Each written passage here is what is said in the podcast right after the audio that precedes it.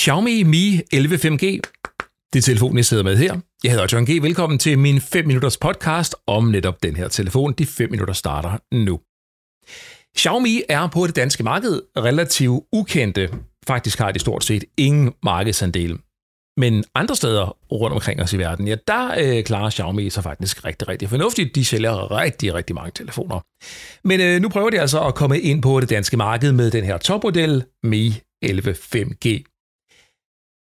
Det er således, at vi jo alle sammen igennem tiden har vendet os til Huawei's telefoner.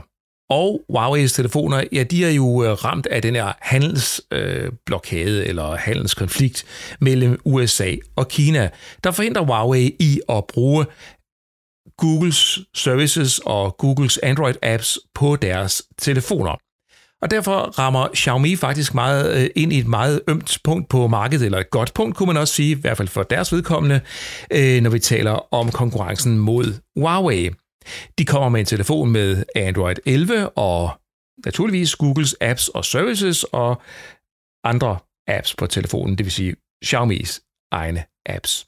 Og de gør det på en måde, der minder rigtig meget om den ting, vi kender fra Huawei's telefoner. Altså, det er den, det er den samme øh, designkvalitet, det er den samme måde at bygge styresystemet op på, det er den samme måde at designe ikoner på, det er den samme måde at placere ikoner på, og det er den samme måde at fylde bloatware på telefonen på. Altså bloatware, det her med uønsket software, som brugeren ikke har bedt om.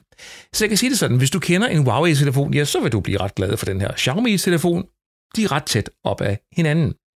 Du får her den nyeste processor på markedet, en Snapdragon 888 5G, der er dermed utrolig meget processorkraft, og telefonen den er faktisk også utrolig hurtig at bruge, når du sådan surfer rundt mellem apps og er på nettet, og alt, hvad du udsætter den for, ja, det spiser den bare lige med det samme i en hastighed, som jeg oplever er hurtigere end det, jeg har set på andre Øh, Snapdragon 888 baserede telefoner. Rigtig flot skærm og flydende 120 Hz skærmteknologi og ikke mindst stabile netværksforbindelser, en god samtalekvalitet og naturligvis en rigtig god batteritid. Batteriets kapacitet er 4.600 mAh, og det lyder umiddelbart ikke ret meget, men jeg har sagtens kunne få telefonen til at køre sådan øh, hen mod øh, halvanden dag uden opladning. Opladningen det går i øvrigt ret stærkt. Med den medfølgende oplader, der kan du lade telefonen fra 0 til ca. 78% på bare 30 minutter. Det er altså rigtig, rigtig hurtigt. Og derudover så er trådløs opladning også understøttet med op til 15 watt, hvis du bruger en standardlader, og går du ud og køber en speciel Xiaomi-lader, ja, så kan du få sådan en øh, lader med, med 50 watt øh, teknologi, som Xiaomi selv har udviklet. Det minder rigtig meget om det, vi har set fra OnePlus-telefonen. Men tro mig, den lader den er ikke nødvendig. Når du har den der i kassen, og når, når du har din egen trådløse oplader, så er du ganske godt stillet. Kameraet, det skal vi lige have med, fordi der sidder en 108 megapixels hovedsensor bagpå, der i øvrigt er fra Samsung. Og øh, jeg har lidt sådan, hvis man skal lægge en 108 megapixel sensor i en telefon, så skal det være, fordi at der er noget at bruge den til, og det er der ikke rigtigt i den her telefon. Det betyder ikke, det betyder ikke, at den tager dårlige billeder, den tager faktisk rigtig fine billeder. Det er op af lommen og skyde et billede, point and shoot, og resultatet det bliver egentlig meget fornuftigt, så det skal du slet, slet ikke tænke på er et problem i telefonen her. Og derudover ja, så har øh, Xiaomi også fyldt øh, kamera-appen med en hel masse forskellige funktioner, som du kan gå amok i. Så langt, så godt. Er bare lige det ved det, at Xiaomi de har også en række apps på deres telefon, blandt andet deres egen browser og deres egen note-apps og deres egen, egen, egen af alt muligt, de er kaldet for bloatware. Og de her apps, som Xiaomi selv har lagt ind på telefonen, de er stort set umulige at få væk. Det er i hvert fald ikke lykkes mig bare at afinstallere for eksempel bare Mi-browseren. Så det skal du have med, hvis du ikke kan lide de apps, der er på telefonen, ud over Googles, så skal du selv placere dem over i en map, så du ikke ser dem, og så bruge dine egne, for jeg kan altså, altså ikke umiddelbart sådan finde ud af at få den væk.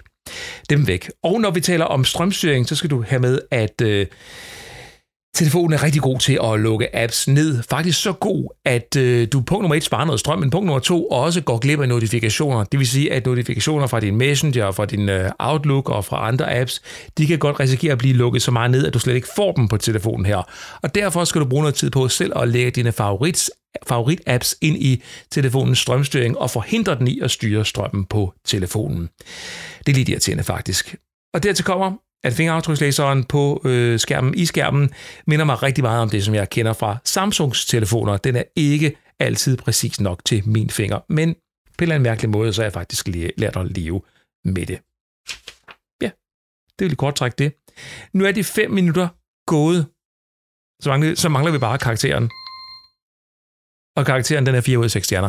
Og det er den, fordi der stadigvæk er nogle ting at arbejde med for Xiaomi, blandt andet omkring det med øh, bloatware og ja, øh, så er der øh, også det her med, at de har lagt en hel masse øh, ændringer ind i Android, som man virkelig, virkelig skal, skal lære at, at vende sig til. Fingeraftrykslæseren, den er lidt træls, og strømstyringen er lidt træls, og ja, i det hele taget bare sådan lige lidt ekstra øh, finish kunne den godt bruge.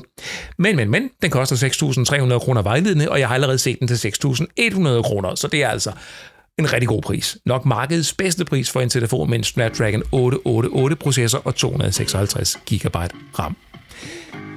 Et godt køb, kan man sige. Du kan læse min anmeldelse af Xiaomi Mi 11 5G på meremobil.dk-anmeldelser. Og du finder også på siden en video om telefonen her. Det var det. Tusind tak, fordi du lyttede med. Jeg håber, at den her korte udgave af min podcast kunne inspirere dig til at høre andre episoder fra meremobil.dk. Jeg hedder John G. Ha' det godt.